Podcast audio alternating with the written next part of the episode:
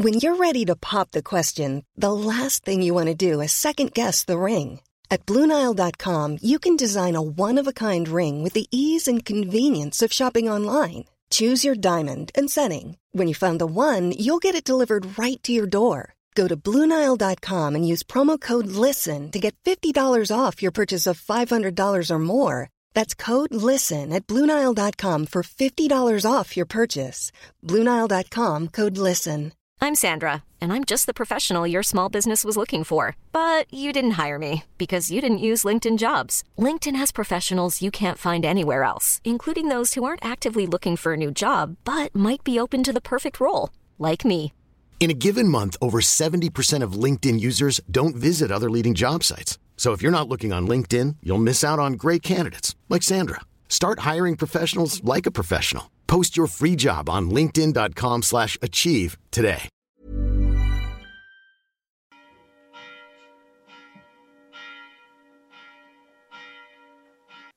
Kjære pappa. Jeg vet ikke om jeg tror på det når jeg sier det.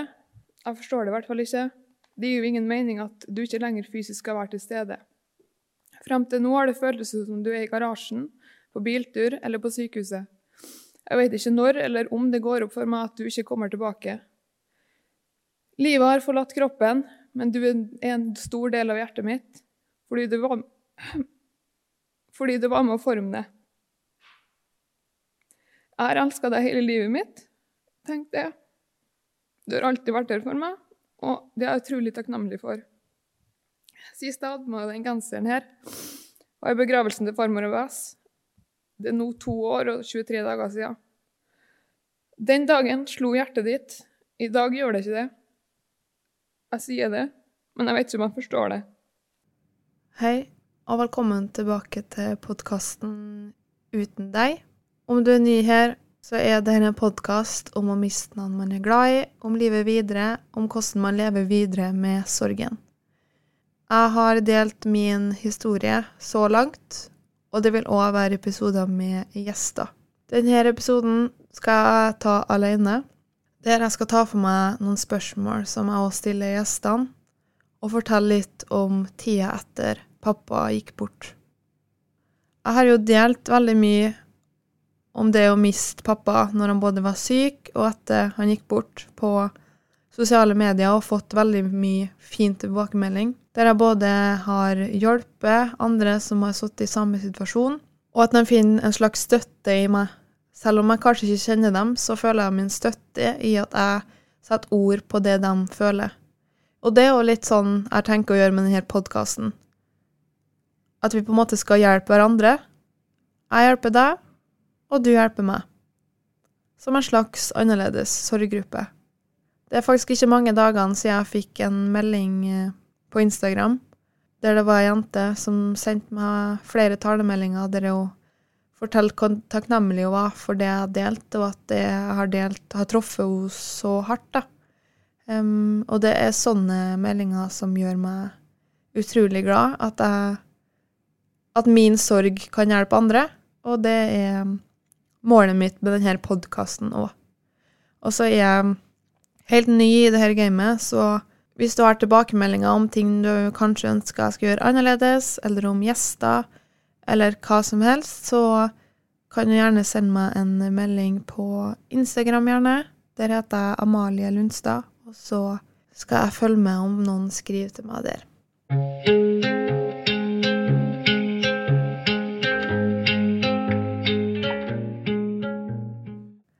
Som nevnt så tenker jeg at denne episoden skal være litt mer tida etter. Um, fra da egentlig vi begynte å planlegge begravelsen, frem til nå ett og et halvt år senere. Etter pappa gikk bort, så trengte jeg på en måte ikke å skrike like mye mer. Jeg tok meg sjøl i å ikke skrike, og det tror jeg er fordi nå fikk pappa endelig slappe av. Tidligere så skrek jeg jo mest fordi jeg så hvor vondt han hadde og tenkte over alt han ikke fikk lov til å være med på. Men nå var det Og så var det på en måte ikke noe håndfast, fordi han levde ennå. Um, og det, jo, han kom jo til å gå bort, men ja, nå er det noe håndfast. Pappa er borte, og han kommer aldri tilbake. Han får hvile seg, og det er ikke noe mer smerte. som da var det eneste alternativet vi hadde. Så da tok jeg meg sjøl i at det gikk flere dager faktisk der jeg ikke skrek. Og der har jeg dokumentert på TikTok, som jeg har sett tilbake på og tenkt bare wow, så fascinerende. Så da ble det jo veldig mye organi organisering, kan man si, frem mot begravelsen. Med prest og det ene og det andre. Og jeg hadde tenkt å holde en tale. Jeg visste ikke om jeg kom til å klare det, men jeg ville i hvert fall prøve. Jeg hadde også holdt en, eller det var jo dikt da, i farmor og best begravelse, men da var jo pappa der enda. Nå skulle jeg holde en tale for pappa, og i denne talen så tenkte jeg å ta i med litt ting som andre har sagt om han. Og for å nevne det, da, så Før pappa gikk bort, så Jeg syns liksom ofte at i en begravelse og i ettertid så skal alle si liksom hvor fint og flott og bra han var, og ja. Jeg fikk i hvert fall en veldig sånn oppvegger, kjente jeg, når um, Arbeen uh, gikk bort. At etter det så skulle vi snakke om hvor bra han var. Men sa du det egentlig noen gang til han? Så det var jeg litt opptatt av, da. Så da sendte jeg ut en melding på Facebook til mange av hans sine nærmeste venner og det som var. Om de kunne Om det var noe de Veldig sykt å skrive, men om det var noe de ville si til pappa, som eller som de ville at pappa skulle vite før han gikk bort, så man ikke bare sier ting etterpå, på en måte. Og det var jo litt rart, for når du sender denne meldinga, så vet man jo at de skal jo aldri snakke med pappa igjen. Ja. Fikk i hvert fall veldig mye gode tilbakemeldinger, eller ja. Fikk veldig mye respons, da. Um, og alle de tilbakemeldingene jeg fikk av pappa, de samla i et uh, notat, som jeg da skrev ut, og hadde et ønske om at uh, pappa ville skje. Jeg forsto jo veldig godt om han ikke ville skje det, fordi ja, da blir det veldig sånn derre du skal dø-type. Så jeg prøvde å si det forsiktig. Um, han ville ikke høre. Mamma kjenner han jo veldig godt, så hvis man bare gir han litt tid, sånn som med meg, så ombestemmer man seg. Så mamma prøvde igjen ved en senere anledning å ta fra markene, og denne gangen så ville han høre. Og det var så utrolig mye fine ting. Og jeg visste jo alt det her, på en måte, fordi jeg vet jo hvor bra pappa var. Men det var så mye fine ord som folk har brukt om han. Han var jo, som alle sikkert sier, unik, men han var liksom særegen. Han hjalp alle. Hvis han ikke fant ut av svaret der og da, så kom han tilbake med svaret. Han var så vis. Han hadde gode tips. Og alt det her kom frem i det her mange av fire-sidene som jeg har av tilbakemeldinger på pappa. Jeg tenkte òg at jeg skal si noen av de fine ordene som dere har delt med pappa, som han, han har hørt. Du er en fantastisk venn, nesten litt som en far. Du er der alltid. Jeg setter deg utrolig høyt. Du er og har alltid vært utrolig god og snill. Jeg har aldri hørt noe vondt fra deg. Tusen takk for den du har vært for meg, brutalt ærlig når jeg trenger det, men samtidig har du vist forståelse for de ulike situasjonene jeg har vært i. Jeg husker en gang du sa til meg Det du har opplevd, er det som gjør deg til den du er. Det vil du ikke være foruten. Det er vanskelig å finne de rette ordene, men jeg ønsker å si hjertelig takk for det du har lært meg. Takk for at du aksepterte meg og slapp meg inn i din vennesirkel og aldri støta meg fra. Du vil alltid hjelpe meg, dag som natt. Han ble overraska over hvor mye positivt det var. Det ble jo ikke vi, men jeg er så glad for at han fikk høre det her før han gikk bort. At han fikk vite hva han betydde for andre. Og noe av det her tok jeg da med i talen min. Jeg hadde jo skrevet en tale og skrevet den ut, men jeg glemte å notere med eh, sidenummer, så det ble jo litt kluss, men, men eh, jeg fikk holdt talen, og jeg fikk sagt alt jeg ville si. Og det var litt trått i starten, eh, men det kom seg. Og etter jeg holdt tale, så skulle lillebroren min holde en liten tale. Han improviserte jo mer. Han visste jo at han skulle vise frem en sang som han har skrevet. Så det gjorde han. Pappa kalte jo lillebroren min sin musikk for heismusikk. Og ingen liker jo heismusikk, og det var sånn han var. Um, så du fikk litt heismusikk i begravelsen din, pappa, og det må du dessverre bare leve med. Kjære pappa. Jeg føler jo ikke at du er død. Jeg føler bare at du har endra tilstand fra fysisk til noe annet. Eh, og jeg er sikker på at du er her nå.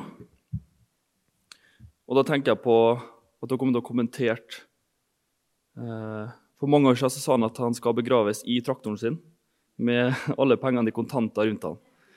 Som den sunnmøringen er.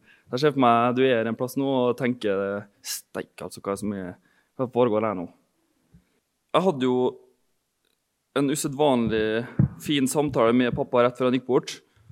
Eh, der vi snakka om følelser, og det er jo veldig sjeldent han gjorde. Men det var kanskje mest jeg som snakka, og mest han som svarte. Eh, men jeg fikk si noen siste ord, hva jeg syns om eh, han, og at han er et forbilde, alltid vært. Kommer alltid til å være, uansett av tilstand nå. Og så sa jeg at jeg syns det er tungt at du skal gå fra oss. Men som den realisten han er, som dere kjenner som òg, så sa han jo at det er bare til å akseptere. Det er naturlig. Generasjonsskifte og hele regla der. Så det var ikke så mye Jeg skjønner hva du kjenner på. Det var mer Det må du bare godta. Og jeg visste jo at det er det tankesettet han har hatt hele veien. Eh, og pga. det så begynte jeg jo for litt siden å skrive en sang om akkurat det der. Om møtet med døden, og hvordan han møter døden tankesettet hans. Um, den er jo ikke Jeg måtte jo hastetur hjem fra USA for å nå der, så den er jo ikke ferdigstilt. Men ferdigstilt nok til at du kan høre den, pappa. I og med at du kommer jo ikke til å få med en konsert. Så uh, sangen heter 'One Day'. Den er på engelsk. Og egentlig hvordan jeg tror han tenkte om døden, og det jeg forsto han tenkte som egentlig sangen sier at en dag skal alle dø. Og det er OK. Det går greit, så lenge vi nyter mens vi er her.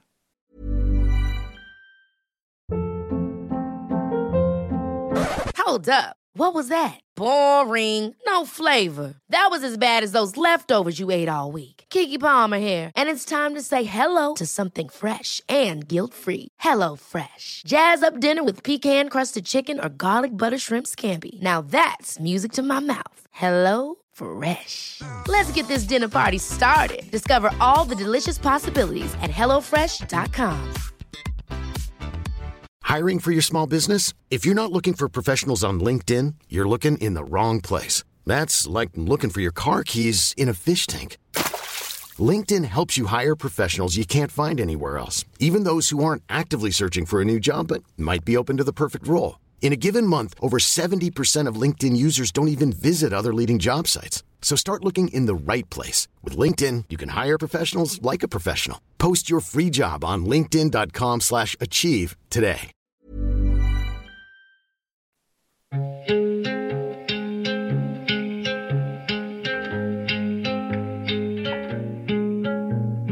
One day we be on cars looking down different crowds as they keep on living the life we live. Da fikk du en siste konsert. Og så kom jeg på en ting jeg glemte å si i stad. Jeg syns jo pappas musikksmak var veldig sær. Men til tross for det så turte han å ha nerven til å kalle min musikk for heismusikk. Eh, og så, eh, så sa han i tillegg eh, etter det at om han har vært i den heisen, så har han pinadø gått ut. sa han. Så ja. Men du fikk i hvert fall med deg en siste konsert nå, pappa. Og så er jeg sikker på at du blir med på dem eh, som kommer, bare på ikke fysisk form. Og det her er en sang som jeg håper at han gir ut etter hvert.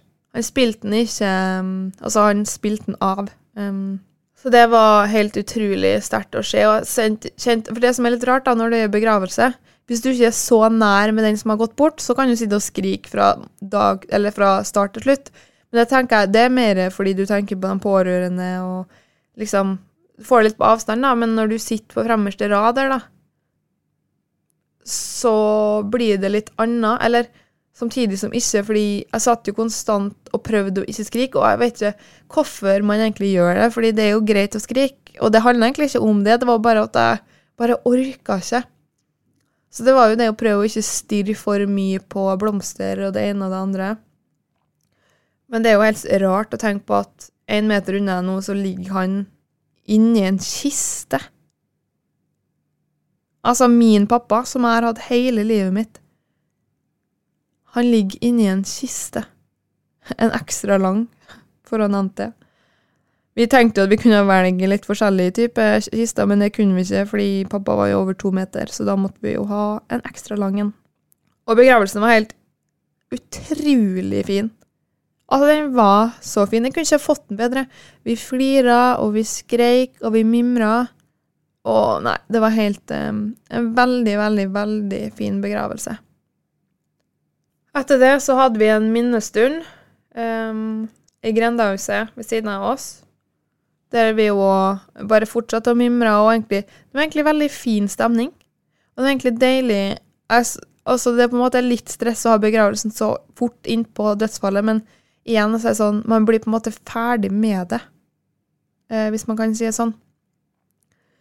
Presten holdt en fantastisk tale om livet til pappa, som vi hadde hjulpet og på en måte kommet med ting, da. Jeg og mamma og Sakarias og bestekompisen til pappa, Tor Ove, som han har kjent eh, Jeg lurer på om det er før han ble kjent med mamma. Um, og de var sammen i tykt og tynt. Han var min, eller han er min fadder. Og jeg setter utrolig pris på at jeg fremdeles har han i livet mitt. Og det var på en måte, for å ha sagt det, da Han har jo òg på en måte mista sin beste kompis i det her. De snakka jo sammen, om det ikke var hver dag, så ofte. Og nå plutselig var han ikke det lenger. Og det kjenner jeg jo litt på, at det er jo ikke bare vi som mister pappaen vår. Mange andre mister jo pappa. Tida etter begravelsen, så Det har jeg ikke nevnt, men rett før pappa gikk bort, så Vi hadde jo kjøpt en leilighet i oktober året før. Nei, samme år. Og fikk vært på visning, og vi fikk kjøpt den og tjo og høy. Og pappa gleda seg til å komme på besøk, fordi det var så enkelt å komme seg til den. Det var jo bare å ta rett av Sinsenkrysset der, og så var man der med en gang, og det gledde han seg veldig mye til, da. For det var sånn han satte pris på, det med bil og kjøre dit, og han kjørte jo overalt. Og den hele leiligheta skulle vi ta over i slutten av desember. Da visste vi ikke at pappa kom til å være så dårlig, så samboeren min, eller min kommende samboer, eh, for dit og tok over eh, uten meg. Vi tok det på FaceTime, og jeg kjente jo på en måte ikke på samme gleden, og pappa var jo liksom ikke engasjert lenger, og det ble ikke det samme, da.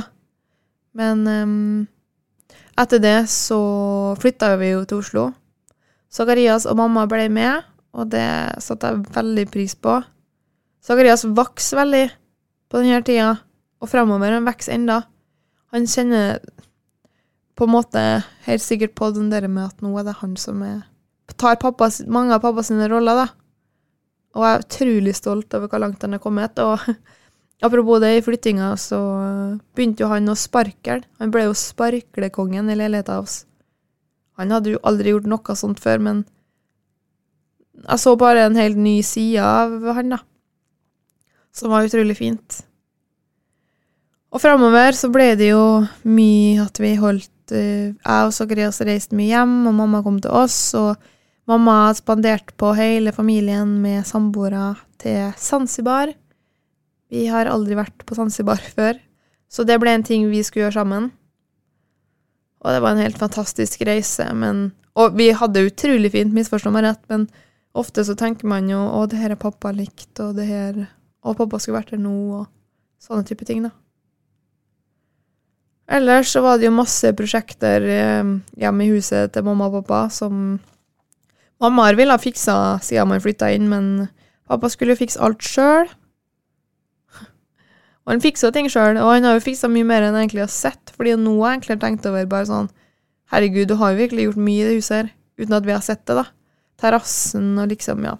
Det er mye som er gjort. Eh, men det er òg mye som gjenstår. Mamma har jo alltid drømt om å bo i et ferdig hus. Hun sitter jo nå i uskifta bo, og det er jo det beste for alle, på en måte. Og det er mye hun vil fikse hjem i huset, og der har jeg og Zakarias gitt mamma frie tøyler. Det eneste vi vil, er at mamma skal være lykkelig, og at mamma skal bo i et hus som er ferdig, for det er det som er drømmen hennes. Men jeg er jo veldig ofte bekymra over mamma, for hun har jo tusen prosjekt i hodet samtidig. Og hun var på jobb med en gang. Hun er jo en superkvinne.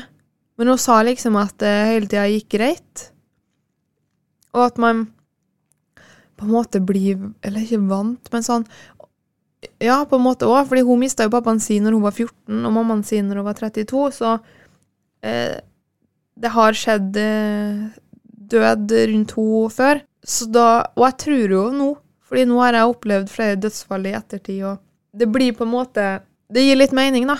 At man har opplevd Man har på en måte opplevd noe så jævlig at nok en gang Altså, ja, misforstå meg rett, men. Hun er i hvert fall en jernkvinne. Hun fortsatte livet sitt, gikk på jobb og fikset tusen ting i huset samtidig.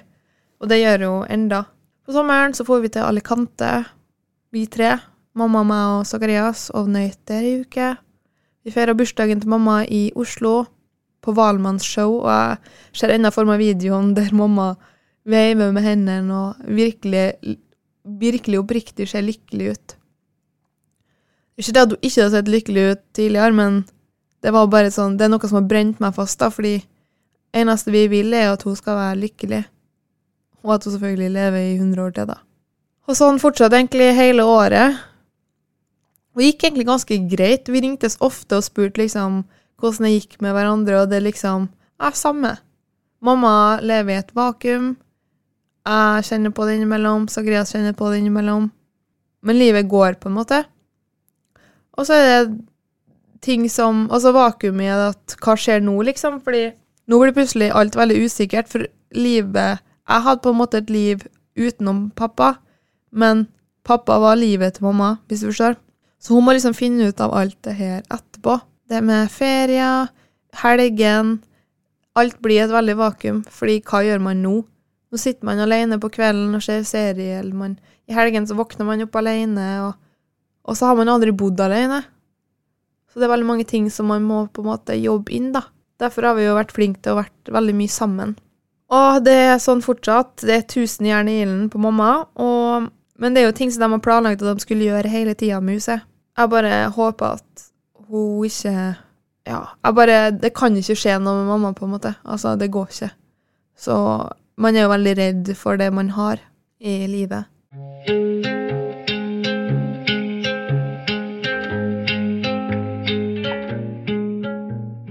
Så året fortsatte jo egentlig sånn, ja, og det liksom opp og ned, og plutselig kunne jeg bare Jeg husker når vi drev og flytta inn, det var jo for så vidt ganske nærme etter, da. Men jeg plutselig bare braste sammen på gulvet mens jeg mala. Og Jonathan, samboeren min, kommer inn og bare Hva er det? Og da husker jeg at jeg ble irritert, fordi det må ikke alltid være noen ting. Bare, sånn her kommer det til å være lenge framover, at jeg plutselig bare begynner å grine. Men jeg forstår jo at det er vanskelig å være den nære òg. Fordi noen ganger så kunne det, det kunne jo plutselig vært noen ting, og så spurte man ikke, så det er en Men det har vi jo tatt noen runder på der jeg har forklart at det må være greit at jeg bare plutselig begynner å skrike. For det er jo noen ting som er veldig vanskelig. Men det har i hvert fall vært sånn opp og ned, og jeg har snakka veldig mye om pappa. Han kommer til å gjøre i evig tid. Og det går mye bedre. Jeg visste ikke engang hvordan det kom til å spille inn i poden her, men det går jo mye bedre enn jeg tenkte. Jeg tenkte jo at jeg kom til å sitte og hulke meg gjennom, men jeg vet ikke, jeg, jeg, jeg vet at det er så viktig å snakke om det. Og jo flere ganger man snakker om det, jo enklere blir det jo, og jo bedre er det. Så om jeg skal komme med et tips midt oppi alt det her, så skjønner jeg at det er vanskelig å snakke om, men det er det som hjelper. 100% det som hjelper. Så jeg har fortsatt å dele mye om det her, både på YouTube og Instagram og den type ting. Og etter det har gått et halvt år og et år og tenkt liksom For man tenker jo herregud, hvordan vil det føles som et halvt år? Hvordan vil det føles som et år? Kommer jeg til å kjenne mye på det etter det har gått et år? Den dagen blir den rar? Når den Altså, det var Det er jo sånne ting som julaften og det som Som på en måte er de dagene man blir minnet på, da. Og den julaften her så feira vi den til søskenbarnet mitt, Sara, som akkurat hadde kjøpt seg hus i Kristiansund. Det fikk hun samla hele familien både mammaen sin og pappaen sin og søsknene sine. Og vi hadde en helt utrolig fin feiring. Veldig, veldig, veldig fin. Og det var deilig at For det ble jo litt sånn derre Først så pleide vi å feire julaften til farmor og Bess, så gikk de bort. Og så feira vi den hjem, og så gikk pappa bort. Og på den julaften, forresten, når pappa hadde gått bort, så satt vi i pysjen hele dagen og tenkte det er greit. Den julaften her får bare bli som den blir. Og egentlig var han ganske fin. Ble egentlig ganske bra, den julaften. Og det ble en julaften etterpå, med familien oss fra, på mammas side. Og det var jo òg litt sånn deilig å være mer med dem. Og i år føler jeg at tida har gått så sjukt fort. Eller for det første kunne jeg Jeg kan jo nevne når det hadde gått et år, at det var liksom ikke noe sånn wow, den datoen. Eller på bursdagen hans. Det var ikke noe sånn wow, nå kommer alt til å bli annerledes. Det er jo det samme. Man tenker på den i sånn ting man gjør. Eksempel når jeg er på trening, så kan jeg plutselig bare begynne å skrike, da. Og han hater jo trening, han har ikke noe med trening å gjøre i hele tatt, men det bare plutselig minner meg på han, da. Eller hvis jeg stirrer for mye på himmelen, så tenker jeg på han, og så begynner jeg å skrike. Og jeg prøvde å snakke til han en gang, men det gikk ikke. Det, det føles bare så veldig rart å gjøre. Så det har jeg ikke helt fått til. Og så kunne jeg nevne den um, Jeg fikk jo gravstøtte på bursdagen sin. 12. juli. Eller vi feira det 11. juli, da. Eller markering, fordi under begravelsens tida så var det jo covid. Så vi fikk jo ikke lov til å ha så mange i begravelsen, så vi tenkte at vi kan ha en markering når eh, pappa fyller år, og markere ny gravstøtte. Så da inviterte vi alle som vil komme, på en eh, liten minnesmarkering eh, med champagne og russisk vodka. Fordi det var Pappa drakk veldig lite alkohol, han drakk alltid brus, men hvis det skulle være noen ting, så vet alle som kjenner pappa, at russisk vodka, det var the shit. Så man har jo lånt ei flaske av dem opp igjennom. Og den markeringa, den um, var en mamma som på en måte sto og snakka for, da. Og da husker jeg jo at hun er jo så sterk, vet du. Står der og forteller om en og den andre, og så, så begynner hun å skrike. Og det, jeg syns det er så fint når hun skriker, fordi jeg bare tenker åh, endelig. For du bare slipper det garden, og bare slipper det ut. Jeg skulle bare ønske at du var oftere. Fordi det, jeg tenker liksom Du må jo ha må jo føles nødvendig å skrike mer enn du gjør, liksom. Men da spilte vi den sangen som ble spilt, eh, som du sa at minte deg om eh, Eller som du la til spillelista di den dagen du forsto at noe var galt. Hva? Skal lære datorbehandling på Datoren var inni rensepengen. Jeg skal sjekke. de dagene jeg kjente at noe skulle skje.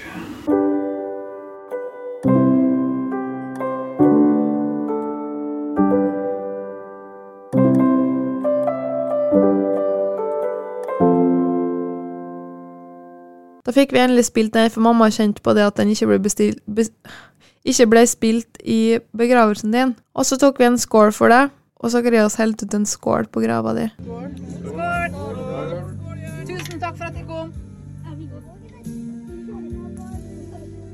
Og det var bare Og gravstøtta er så sykt fin.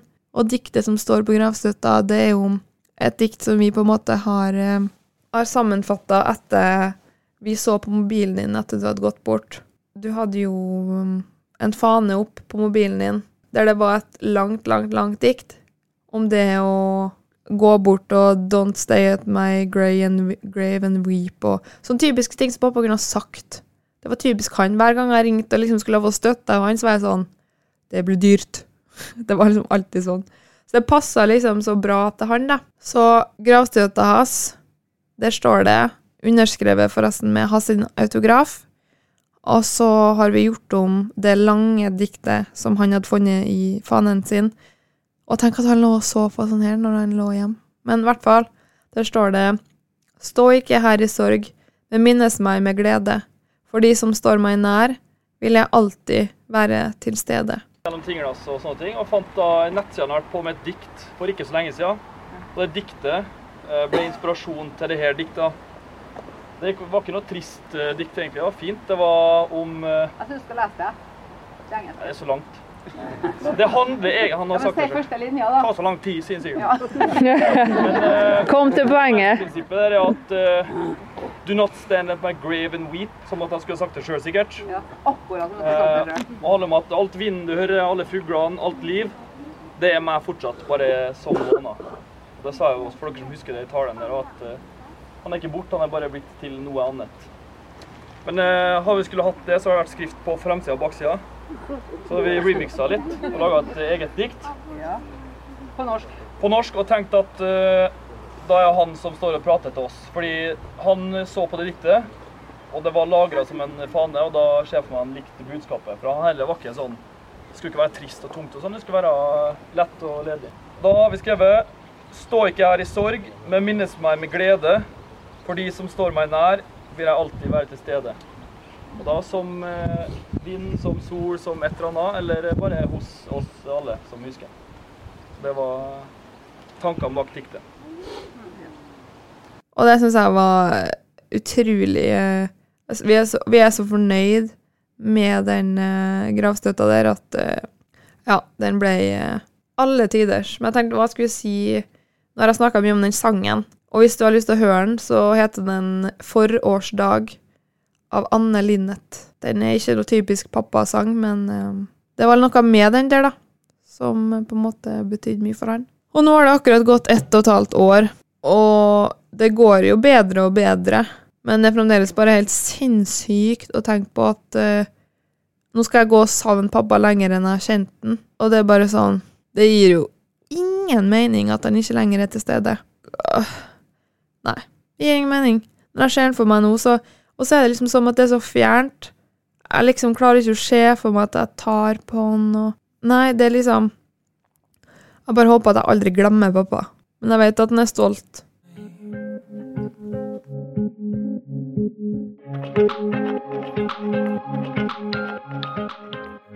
Og så tenkte jeg kanskje Jeg har jo skrevet ned noen spørsmål som jeg tenker å stille gjestene. Og det er jo litt sånn det er vanskelig å lage en rød tråd sånn, eller den røde tråden er jo at gjestene forteller sin historie, og jeg forteller min historie, og den type ting. Eh, men jeg kan ikke ha sånn derre ukas rykte. Altså, jeg kan ikke ha noe sånt. Så det blir heller noen spørsmål som man kanskje kan prøve å stille de forskjellige gjestene. Og så er det bare, hvis dere har noen spørsmål også, så bare fortsett å skrive dem inn til meg på Instagram Amalie Lundstad. Men er det noen ting Og her er noen spørsmål som jeg har skrevet ned, da. Har du funnet noen ting som har hjulpet deg å takle tapet? Og for meg så har det vært å dele, og det har jeg jo sagt en del om allerede, at eh, det å være åpen om det hele veien, og det har mamma vært òg, og bror min, det har eh, hjulpet meg utrolig mye. Og denne podkasten her, ikke minst, den kommer til å hjelpe både meg og forhåpentligvis og andre. Og så har jeg et spørsmål her om det er noen spesielle ting som bringer opp minner. Og det er liksom ikke noe sånn spesielt. Det er sånn Hvis det skjer oppe i himmelen, så tenker jeg på pappa. Når jeg kjører bil, så tenker jeg på pappa. Og det er liksom noen enkelte ting som Og så ser jeg òg veldig mye likhetstrekk i lillebroren min og pappa nå. Han ligger likedan på sofaen, og jeg ser òg at jeg har noen likhetstrekk med at jeg tar ene handa um, mellom øyenbrynene og løfter opp. Altså, det er noen sånne ting som bringer opp minner, da. Og så er det det hvordan jeg ønsker å bli støtta nå, kontra da det skjedde, og nå. Og her er det utrolig vanskelig, fordi noen vil ikke snakke om det i hele tatt, og jeg merker at det er mange som er redd for å spørre. Og til dere som, hvis dere hører denne podkasten her, så jeg, har jeg veldig lyst til å snakke om det. Jeg bare Noen ganger så er jeg redd for at det blir for mye. For jeg kunne ha stått og snakka med pappa i timevis, og det er òg måten jeg ønsker å bli støtta på nå.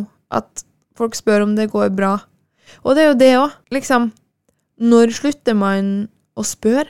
Når er liksom Når skal man være ferdig med å sørge? Og tenker også, jeg tror det også det er mange som ikke tar det opp, fordi da minner man min, Blir jeg minnet på det? Men det er jo ikke sånn at jeg blir minnet på det, fordi det er jo ikke det at jeg har glemt at pappa har gått bort. Det er ikke sånn at du minner meg på det ved å si det. Så jeg tenker at det er jo viktig at man spør, og at man eh, Ja, det er litt vanskelig, for når er på en måte Når slutter man å spørre, altså? Når skal man liksom være over? Og man blir jo aldri over det. Men nei, det der syns jeg er veldig, veldig vanskelig. Når liksom Nei, jeg vet ikke. Så har jeg et spørsmål der. Hvordan har det her tapet påvirka livet ditt? Først og fremst, når han ble syk, så um, Jeg hadde jo veldig lyst til å flytte til Oslo. Det var jo på en måte planen. Men eh, når det her skjedde, så ble liksom ikke det så viktig lenger, da. Da ble jeg nå boende hjemme i Kristiansund, og ble liksom Mitt liv ble jo satt helt på vent. Nå var det alt det handla om, og pappa, da, og dreide seg rundt det. Og jeg tenkte òg inni meg et sekund sånn Fader skal ikke bare få et barn. Og det er jo helt sykt å si, men det var en tanke jeg hadde sånn fordi at pappa skulle oppleve barnebarn. Og nå tenker jeg sånn Det er jo ikke noe vits å få barn enda, fordi da kunne jeg like gjerne fått det når pappa levde. For jeg vil jo at pappa skal oppleve barnebarn. Men ellers med framtidsplaner, så Det har vel ikke endra meg noe sånn veldig etterpå, egentlig. Jeg er bare mest glad at pappa får hvile nå, at mamma er lykkelig. Og så har jeg et spørsmål her, og det her syns jeg er veldig interessant. Har det endra ditt syn på livet og døden? Og det kommer vi tilbake til det mamma sa med at på en måte Eller hun takla det så mye bedre enn jeg liksom hadde sett for meg. fordi når jeg tenker at noen mister noen, så tenker jeg at man graver seg ned og ligger under dyna, og der blir man, eh, på en måte. Men det har jo ikke vært tilfellet for noen av oss. Vi har jo liksom fortsatt å få på jobb og liksom fortsatt livet, da. Og så Men ja, tilbake til spørsmålet, kanskje. Nå er det blitt sånn at når jeg hører at eh, noen enten har fått kreft eller er syk eller dødd eller noe sånt, så blir jeg litt sånn. Ja. Altså, det er jo å Ja, ikke hat meg på det her, men det er noen følelser Jeg vil jo være ærlig med dere inn her, og det, det er kanskje en følelse andre har kjent på, forhåpentligvis, skal jeg til å si. Det er ikke jeg som er helt syk i hodet, men man blir sånn Ja, OK. Ja, neste. Altså, fordi vi har opplevd noe så jævlig at uh, alt annet blir bare på en måte bagateller, da. Og så tenker jeg, og så har det også blitt sånn Ja, men sånn er livet, liksom. Livet er skjørt, og plutselig er det over, og Så det egentlig endrer meg ganske mye på hvordan jeg ser på, på livet og døden. Ellers så har jo det Jeg føler at det har liksom gjort at vi som er igjen i familien, har kommet nærmere. Og vi snakker jo mye om pappa og mimrer tilbake og liksom prøver å gjøre ting i hans ånd, og vi skal snart på ferie, og det blir en roadtrip, og ja.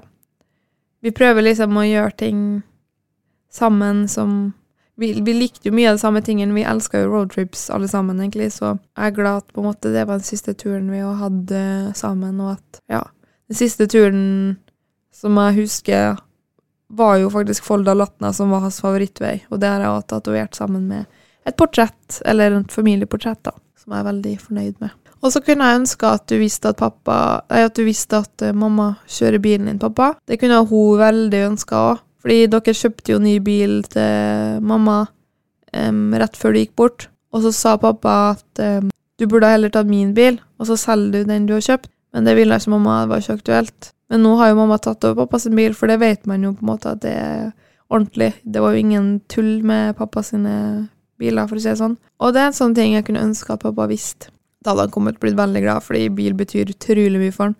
Og for å liksom sette ord på hvor mye det betyr, da, så på baksida av gravstøtta så er det en stjerne. En Mercedes-stjerne. Og når sola lyser på den Mercedes-stjerna, så uh, lyser sola Altså lyses stjerna liksom gjennom på andre sida. Så det er jo litt harry, men samtidig, så hvis du kjenner pappa, så vet du at sånn det er. Jeg tenker egentlig at um, jeg runder av uh, her nå. Og takk for at du har lytta til denne eh, nok spesielle episoden med livet etter eh, å miste pappa. Og jeg håper at denne episoden traff deg på en eller annen måte, og at den minner deg om verdien av kjærlighet og håp i møte med livets utfordringer. Vær så snill og vær snill mot hverandre, og husk at ingen reise er uten prøvelser. Så ses vi igjen veldig snart.